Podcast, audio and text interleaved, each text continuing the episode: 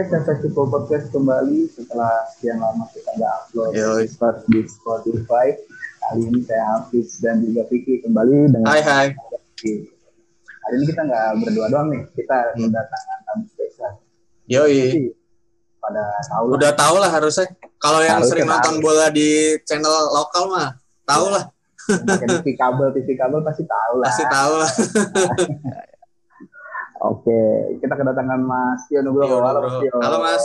Halo, halo, halo, halo. Oh. Terima kasih ya diundang. Waduh, Iya Mas, makasih juga Mas udah mau ngobrol-ngobrol bareng kami. Ya, ya. menyempatkan diri dari kesibukan. Mas Tio sehat Mas? Alhamdulillah sehat, sehat.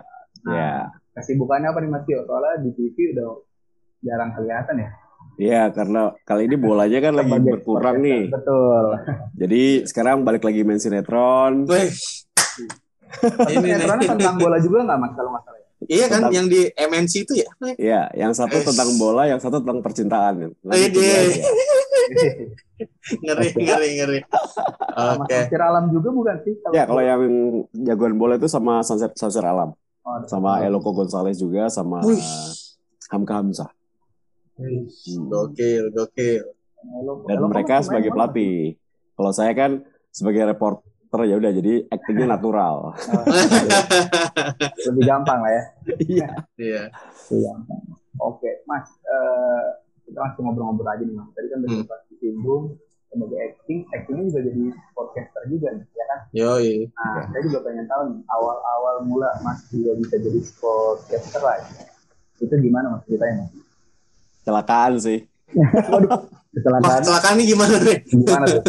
Kecelakaan yang membawa berkah ya. Jadi Oke. sebetulnya gue kan orang teknik ya. Kuliahnya juga Hmm. sarjana teknik, teknik sipil, terus Situ. eh, Oke. emang tapi dari dari SMA gue udah mencoba untuk jadi MC, MC di pensi di sekolah di Bandung waktu itu. Terus gua kuliah juga jadi penyiar radio. Jadi emang udah biasa ngomong gitu. Hmm. Tapi untuk untuk untuk masuk menjadi seorang presenter televisi nggak ada kepikiran, nggak ada nyangka juga.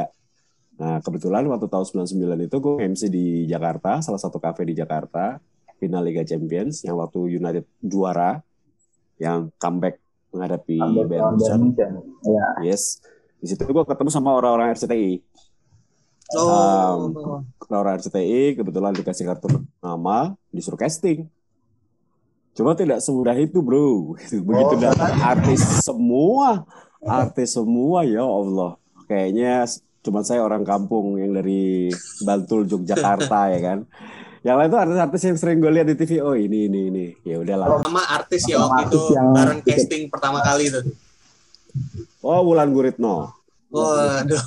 waktu itu waktu itu dia main film Pondok Indah tuh udah main film Pondok Indah zaman itu ya Hmm, Mulan Guritno terus eh, banyak penyanyi ya sama pemain sinetron juga saat itu. Hmm. gitu. Oke. Feni Rose juga Feni Rose Feni Rose. Oh, ada teknik juga. ya ya. Oke. dan akhirnya yang yang keterima kala itu dari casting sekitar 50 orang disaring tiga kali. Yang keterima tiga orang. Feni Rose saya Wulan Guritno.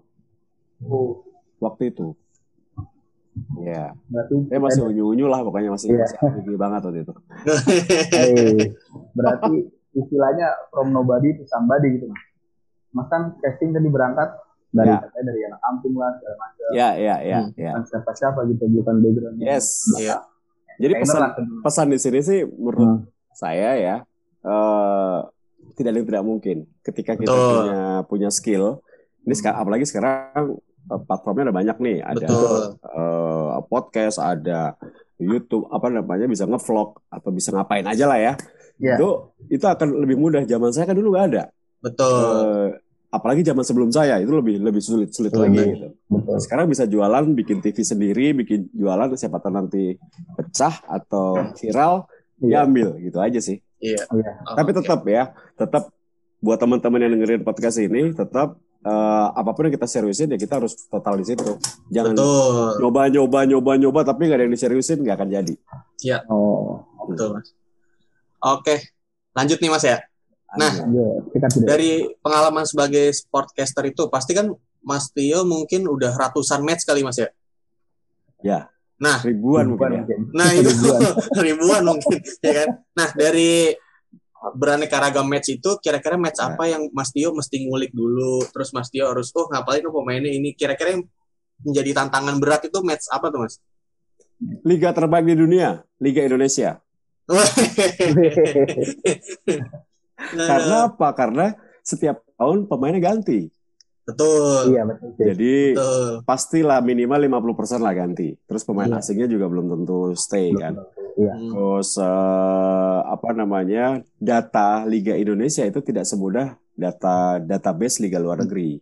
Database Hmm. Liga luar negeri banyak bisa saya, saya cari di internet banyak banget atau Iya. eh, udah punya bank datanya lah gitu. Kalau Iya. di Liga Indonesia sejak tahun saya tuh baru siaran Liga Indonesia 2001. Oke. Liga Bank Mandiri pertama. Masih lebih Bank Mandiri ya berarti. Yes, itu saya cari datanya teman-teman. Saya tuh langsung ke lapangan, ketemu pelatihnya, nyatet. Ini coach, ini nomor satu namanya siapa coach? Saya nggak tahu mukanya kan. Nomor Iya, dua, iya. tiga. Lah, gitu. Jadi harus datang ke stadion. Kalaupun stadionnya jauh, saya tetap by, by phone. Gitu. Jadi semua semua pelatih, semua asisten pelatih, asisten dan pelatih itu saya selalu recokin dulu. Tapi itu yang benar sebenarnya. Karena kita tidak punya tidak punya Bank data yang Eh. tadi Mas bilang ya. Iya. betul, bank datanya nggak jelas. Hmm. Dan dan itu berarti tandanya buat teman-teman semua yang dengar berarti tandanya nggak boleh malu ketika kita nggak tahu. Lebih baik kita bertanya tuh, ya kan? Iya. Hmm. Ya, ya, Ya. ya. Oke. Kalau ditanya sama kamu, apa yang paling susah? Liga Indonesia. Liga Indonesia. Paling sulit. Mas, mau nanya nih, Mas. Tapi sebelumnya udah berapa liga ya, Mas? Komentatornya. Waktu itu Liga Belanda pernah kan ya? Saya, Iya. alhamdulillah udah, kan? udah pernah semua. Wah. Karena saya ini soalnya pernah Liga Belanda, saya pernah Ya. Liga Belanda. Indonesia pasti IPL. Ya, MLS sudah pernah, MLS saya udah pernah. Oh, MLS pernah juga. Udah, David Beckham mania dulu. Oh, zaman David Beckham, iya serius. Hmm. Eh, pokoknya liga-liga yang sudah ditayangkan di televisi Indonesia, Oh, iya. alhamdulillah saya sudah sudah pernah semuanya. Termasuk Liga Champions Asia, Ya. Piala apa? eh, dulu zaman dulu AFC. AFC, Nah, dulu udah udah udah semua. wow. Luar biasa. Iya. Kita tuh nyari data orang-orang Indonesia Yo, agak, agak PR. Mas, ini pertanyaan selanjutnya agak sedikit personal karena kan menyangkut sepak bola pasti Mas juga punya klub idola dong. Ya. Ya kan. Nah, dari username Mas aja tuh kayak kelihatan Tete dulu Wiroho. Ya kan. Iya. Mengarah mungkin ke ya Pangeran Roma lah, Pangeran Pangeran. Roma. Ya kan. Ya. Oh, dipakai lagi bener. Dipakai loh langsung Roma. Saya mau nanya Mas, kenapa bisa suka Roma? Pertanyaan simpel. Oke, mungkin nggak semua orang tahu ya, gue suka Roma sejak kapan dan karena Ya, apa. itu. Ini mungkin orang-orang taunya, ah gara-gara Totti nih. Justru Iya, sebelum Totti udah suka Roma. Oh. Dari tahun tepatnya itu musim 94-95. Oh, baru nanya. Itu eh saya lihat ada satu pemain namanya Giuseppe Giannini. Udah ganteng, gondrong, mainnya bagus. Eh timnas Italia pula. Nah, dia kapten Roma kala itu. Jadi karena nonton pertandingan timnasnya Italinya dulu, karena dia mainnya bagus, saya cari nih dari mana sih timnya dia. Pas di searching, oh dari Roma. Oh tim kecil. Oh tim yang nggak pernah juara juara gitu. Tapi akhirnya Ya. cinta tuh. Nah ketika Giannini pensiun, penggantinya Totti. satu. Uh, ini orang kelas. Ya udah tambah cinta. Oh. Apalagi secara lu hampir mirip ya Mas ya. Gondrong, Yes. bola, Ya, kan. dan posisinya sama. posisi juga Ya, Equatista ya. ya. Iya. dan apa ya gue suka suka dengan satu hal yang berbeda kalau orang bilang Juve Inter atau Milan mereka kan tim tradisi tuh Nah, Ah, lebih iya. suka underdog deh Ada tuh lebih suka oke. Hmm. Lebih suka yang agak indie lah ya. ya ya ya Nah, nih menurut pandang Mas nih Roma di era sekarang lah. Kira-kira gimana nih Mas progresnya? Karena jujur di musim ini kayaknya sih masuk ke Pedro Mkhitaryan ajaib sih menurut saya ajaib itu. Hmm. Menjadikan sesuatu gitu. Zeko juga jadi hidup lagi. Terus muncul pemain-pemain muda. Mas juga ngetit Milan AC lah. Tuh. Ya. Mas ya ya, ya kan? Gimana Mas progres Roma Mas? kalau AS Roma musim ini eh, satu, one, satu step lebih bagus dari musim lalu. Kalau musim lalu tuh benar-benar uh, dari pelatih-pelatih sebelumnya yang ganti-ganti Ya. masuk Paulo Fonseca. Nah, Paulo Fonseca tuh ibaratnya musim kemarin tuh musim perkenalan lah. Musim bagaimana dia me- merajut hubungan, kemudian dia membenahi yang ada yang kurang-kurang gitu. Eh, kalau musim ini ini sudah mulai terlihat jelas karena apa dia dia ingin membangun Roma dengan skuad muda, membenahi manajemen, membenahi eh, eh, apa namanya sak- sak- sakit Roma setelah ditinggal Totti dan De Rossi secara beruntun Hmm. Oh, dua, dua apa namanya Icon. dua ikon banget kekuatan banget jadi seperti kayak apa ya kalau Totti pergi setengah nyawa hilang De Rossi pergi setengah nyawa hilang juga jadi nyawanya Oh, iya. hilang Hilang. Roma. iya. Ada Membentuk pemimpin. baru ya. Iya. betul nah owner baru pelatih baru dan kalau saya lihat ini adalah satu langkah baru ya ketika banyak pemain Primavera di di upgrade jadi masuk tim inti. Dan ini sih tim muda semua. Tim muda semua. Justru seorang Chris Smalling aja bisa dikatakan senior di situ. Iya. tim muda semua. Zeko paling senior lah. Tapi kan Zeko setahun lagi selesai. Jadi Ro- kalau eh, Romanisti harusnya senang ya. Meskipun Roma tidak juara tapi harusnya senang ini jelas. Target tahun depan bisa juara. Kalau dengan Nice. tim ini tidak dirubah. Nggak dirombak-rombak gitu mas ya. Nggak Apa? Ya tinggal tinggal nambah striker ya. Menurut saya striker satu sama penjaga gawang karena itu yang kehilangan setelah Ellison, Ellison. sama salah Hengkang ya itu kekurangan yang dimiliki Roma. Oh, Oh, tadi oke. baru mau saya singgung tuh karena saya pengen nanya sudah tadi kira-kira dari sektor mana yang harus dibenahi berarti dari kiper ya? Karena menurut mas Mirante Kiper. cukup kurang ya mas ya? Mirante bagus untuk di Serie A tapi kalau untuk di ke level Eropa, Europa League ya ya kalau kita kan bandinginnya dengan penjaga gawang yang bagus ya. Apalagi Roma bu- baru punya penjaga gawang yang membawa Liverpool juara dunia juara setelah 30 tahun absen. Alisson betul. Becker itu udah pasti luar Iya. biasa banget. Nah kalau jadi kom compare-nya kan jadi jauh ya. Jomplang Nah, ya ya kalau saya bilang pasti kiper satu. Terus kemudian center back satu eh, sama striker. Kalau lini tengah sudah cukup itu untuk Scudetto ya. Ya saya nggak bicara untuk Eropa. Kalau Eropa, Eropa. banyak ya harus dibenahi. Lawannya penjahat semua ada Bayern Munchen ya kan Barcelona Real Madrid Iya. City ya. Jadi buat Romanisti janganlah bermimpi tahun depan juara Liga Champions. Kalau Scudetto ya kalau Scudetto boleh. Nah di, bawah naungan Jordan Vertut dan kawan-kawan.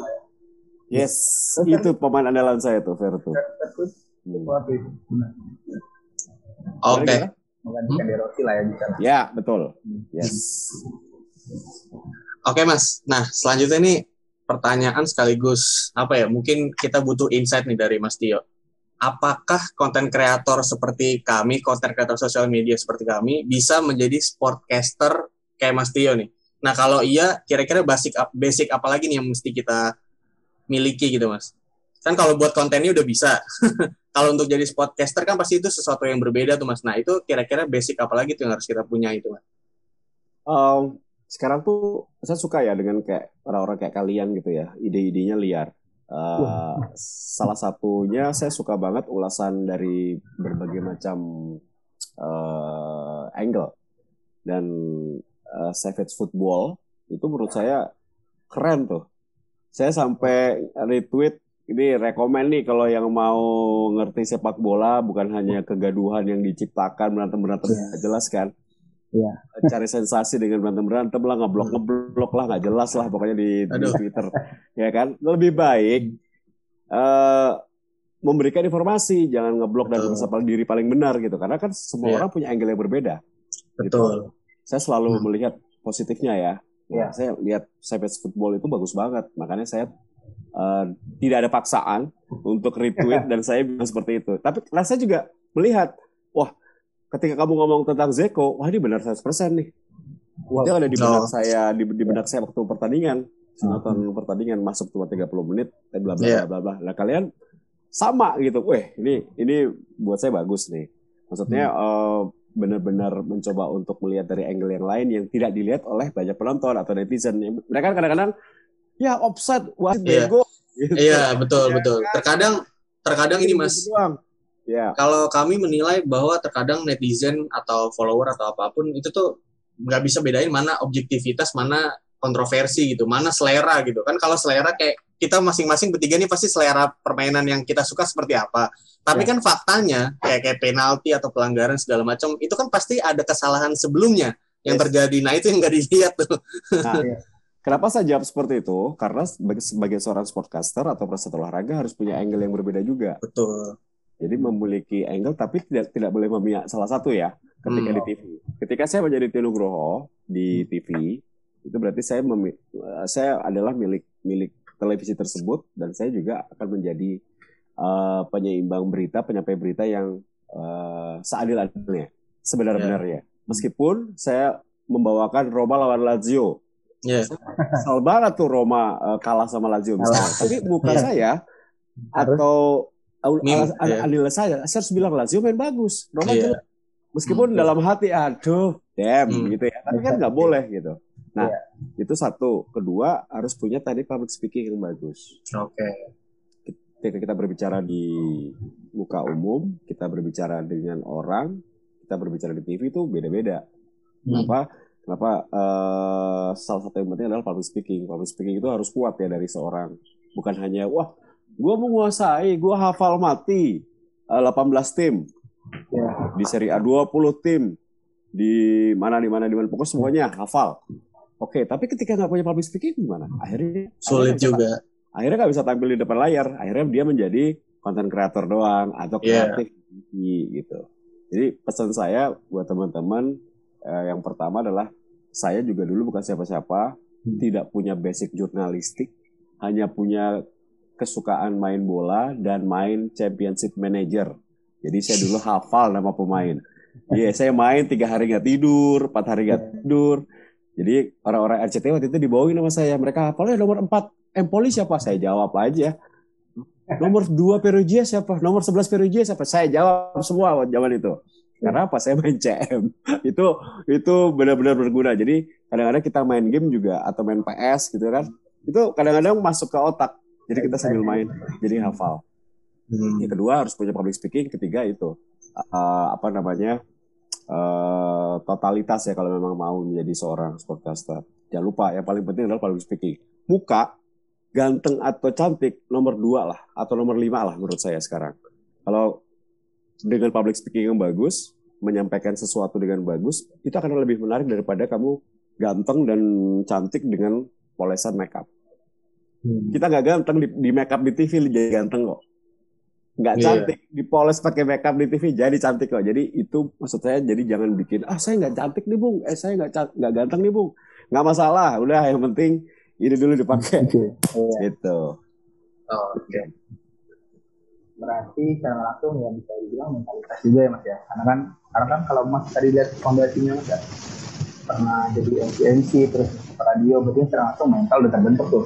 Cuma Ya. tinggal penyesuaian aja antara ngomong di depan kamera berarti mas ya ngomong depan Yes. orang banyak ataupun ngomong sama eh secara langsung gitu.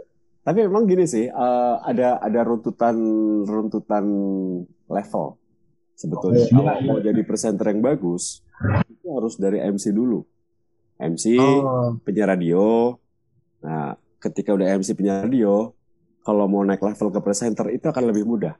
Tinggal Oh. dia eh, adaptasi kamera. Kan dia udah bi- dia biasa ngomong nih MC depan Ya. banyak orang. Udah biasa ngafal lah bla bla bla bla bla bla Ya. bisa. Di apalagi penyiar radio, penyiar radio berimajinasinya cukup luas ya. Ngomong dengan mic tapi dia bisa menceritakan telling story dengan orang terbawa suasana gitu. Hmm. ketika di TV itu eh, radio MC digabungin. Jadi satu. Oh. Kamera. Nah biasanya orang jatuhnya di situ. Dia tidak bisa lihat kamera gagap di depan kamera. Nah itu susah. Tapi kalau sekarang kan seperti yang gue bilang sekarang kan banyak. Kalian mau ngevlog aja dulu jadi vlogger jadi youtuber dulu kan biasa di kamera tuh hey guys halo guys gitu kan. Lama-lama juga sama. Kalau di TV bedanya kan kameranya besar terus studionya memang dingin terus orangnya juga galak-galak gitu kan. Beda itu aja. Ya. Oke. menarik. apalagi deh kita mau ngobrol apa lagi nih? Oh, tadi udah dijelasin panjang lebar soalnya. Iya, soalnya. Karena sebenarnya juga mungkin karena orang kan selalu berpikir kalau kayak sportcaster di sport itu oh dia mah orang entertain oh dia mah Iya. presenter ini Inferior lah. musik iya misalnya tapi ini Ah. ternyata cerita dari Mas Jo kan menunjukkan kalau nggak perlu lah maksudnya kayak dari orang entertain atau dari sekarang jadi MC di apa gitu. tapi memang berangkat dari yang bukan siapa-siapa yang tadi Mas bilang ya Ya. Hmm. Dan kalau memang eh, apa hidup orang beda-beda ya. Hmm. Ada juga yang udah casting, udah casting dari tahun lalu sampai tahun ini tiap hari casting belum tentu masuk juga. Gitu ya, Bang. Kadang-kadang eh, kita nggak tahu rencana Allah gitu ya. Yang penting Ya. kalau saya bilang sih eh, ini selalu saya katakan kepada murid-murid saya ketika saya ngajar bahwa setiap apa yang kita lakukan itu sangat penting untuk hasil akhirnya nanti. Jadi kita mungkin sekarang ngelakuin setahun setahun tahun depan belum berhasil.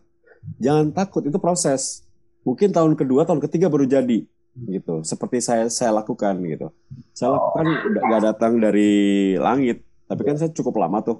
Saya dari tahun 92 dengan MC. Saya masuk TV 99. Alhamdulillah sampai 2020 saya masih dipakai gitu. Berarti eh, kerja keras saya selama ini masih dihargai gitu. Saya nggak tahu kapan saya pensiun. Yang pasti kalaupun saya pensiun, saya tidak akan pernah pensiun di TV nasional ya. Hmm. Eh, sorry, saya tidak akan pensiun eh, di T- T10 TV karena saya sudah mempersiapkan T10 TV itu untuk untuk ketika saya sudah tidak laku panjang lagi atau dipakai Hmm. lagi, saya punya wadah yang menyalurkan hobi dan ide saya. Gitu. oh Mm-mm. benar-benar tadi Mas Jo dari 90 sampai 99 baru TV. Pasarannya 9 tahun lah perjalanan tuh. Ya, Sebelum itu kan panjang juga. Gitu. ya. Panjang Tap- juga. Tapi ada juga yang tiba-tiba setahun jadi. Sekarang Iya. kan banyak yang instan kan. Iya. Hmm. Ya. Tapi biasanya easy kan go sih. Iya, one hit wonder gitu ya. Biasanya kalau udah instan sih cepet juga hilangnya. iya, easy easy go aja. Iya. Iya. Betul. Ah, Mas, Mas, mau nanya nih Mas. Mm. Liga 1 kan belum jalan nih. Ya. Ah, kira-kira Mas berharap nggak Liga 1 tahun depan mulai? Kalau tahun ini saya udah nggak berharap. Maksudnya yang 2020 udah udah dianggapnya hilang aja lah udah. Di, Sekarang gini, ke- nggak apa-apa deh saya ngobrol di sini. Banyak saya ngobrol dengan pemilik-pemilik klub. Mereka sudah bangkrut di tengah ketidakjelasan, banyak hutang dan juga dikejar-kejar sponsor karena sudah janji kan. Jadi memang sebaiknya sih PSSI harus tegas. Hilang, udah selesai aja yang musim ini ditiadakan tidak ada juara. Namanya juga kan eh, spesial musim, musim spesial, Iya. extraordinary league. Jadi nggak masalah sebetulnya. Eh, di luar negeri pun banyak yang membatalkan kan. Iya. Lebih baik fokus aja ke tahun dep- tahun depan. Jadi setiap tim punya apa namanya punya ancang-ancang kontrak pemain, mulai Hmm. mengejar pemain asing, mulai mencari uang untuk musim 2021 gitu. Toh FIFA pun tidak akan ngeban kita atau Nge-ban, menggagalkan tuan rumah kok. Ini semua negara kecuali kalau kita ada kerusuhan, Iya. misalnya pilpres atau pilkadanya rusuh terus chaos di Indonesia terus batal liga baru kita pasti kena kan. Iya. Mm, Jadi ini saya rasa ada satu masalah yang ditutup-tutupi oleh federasi sehingga tidak boleh ada liga musim ini. Kasihan pemain loh. Kasihan pemain, kasihan klub. Kalau begini terus, klub Liga 1 bangkrut semua. Ya mungkin ada yang masih bertahan tapi nggak semuanya gitu. Saya kasihan juga lihat pemain-pemain asing yang sudah nunggu Betul. berapa bulan, akhirnya harus pergi. Ya mereka kan nyari uangnya di situ gitu. Bukan hanya nyari uang ya, kayak apa ya? Kayak hidupnya mereka diambil gitu. Hidupnya kan main bola. Tapi Iya. diambil gitu kan kasihan main gitu. bola, iya. Ya, gitu. Jadi kalau saya pribadi seharusnya PSSI tegas, federasi tegas. Eh, udah batalkan musim ini, fokus aja musim depan. Daripada nanti dipaksakan Februari yang belum tentu jadi juga, Betul. itu jadi. apa waktunya mepet banget loh. Satu minggu bisa dua tiga kali main, terus belum cek cek eh, swab, PCR swab, itu ribet banget itu, akan chaos banget. Dan kualitas liga menurun jauh pasti. Karena pemain-pemain asing juga banyak yang sudah hengkang kan. Iya. Bahkan Lebih baik sih fokus Indonesia 2021. juga udah banyak ini. Pemain Indonesia juga udah banyak yang ditawar-tawar sama ya Liga Malaysia lah, Liga Ya, betul. Dan di sana dibayar mahal loh. Full lagi. Enggak 25 persen loh. Dibayarnya full. Kita nggak tahu tuh kalau gitu. Baru tahu. Nah, dibayarnya full. Oke. Tapi mas, Tapi kita berharap sih.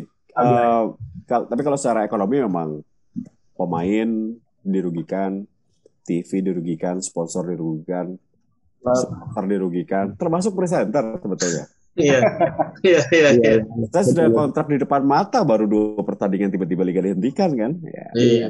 Tapi kan memang ini pandemi jadi harus dipahami juga. Iya betul. Gitu. Ya, tadi bilang extraordinary ya, keadaan. Tapi Mas, kalau masalah ini kan banyak pemain tuh yang mendapat tawaran. Ada yang menerima, ada yang bersikuku untuk nge-income. Ya. Tanggapan Mas gimana? Kalau saya juga melihat, saya hargai ya. Mungkin mereka Ya. masih ragu meninggalkan In- Indonesia dengan di tengah pandemi seperti ini. Eh, siapa tahu di luar sana belum tentu se senyaman di Nyaman. Indonesia atau dekat dengan keluarga kan. Jadi Ya. sekarang pertimbangannya udah bukan hanya masalah uang sih. Kalau mereka menolak, mungkin karena mereka tidak nyaman dengan kondisi pandemi ya. Ya. Itu itu kedua. Kalau ketiga sih eh, mungkin tawarannya kurang pas. Yang pas, maksudnya secara angka ya. Yang pas kan berangkat tuh. Kayak Ruji, Riju berangkat. berangkat. Tot, Tot Rivaldo F- eh, Ferre juga berangkat. Ya. Terus kemarin juga saya ngobrol sama si Nur Hidayat juga katanya dia juga dapat tawaran, cuman lah, angkanya belum pas. Kalau angkanya pasti berangkat gitu. Gitu. Nah, juga ya, berpengaruh. Iya. Pasti semua pemain pasti akan memikirkan bermain di luar negeri. Kalau sampai akhir tahun nggak jelas juga gitu kan. gitu menurut, menurut saya ya. Jadi eh, jangan salahkan pemain kalau pemain main di luar negeri atau meninggalkan klub karena memang mereka hidup mereka itu gitu. Iya. Bukan hanya bukan hanya masalah ekonomi. Itu seluruh kehidupan dia adalah bergantung dari situ gitu. Ya. Oke, Lagi Bre, yang mau ditanya kepada udah cukup nih kayaknya untuk kali ini. Mungkin kapan-kapan Oke. kalau ada waktu Boleh. lagi Mas Tio mungkin Boleh, Bisa. anytime.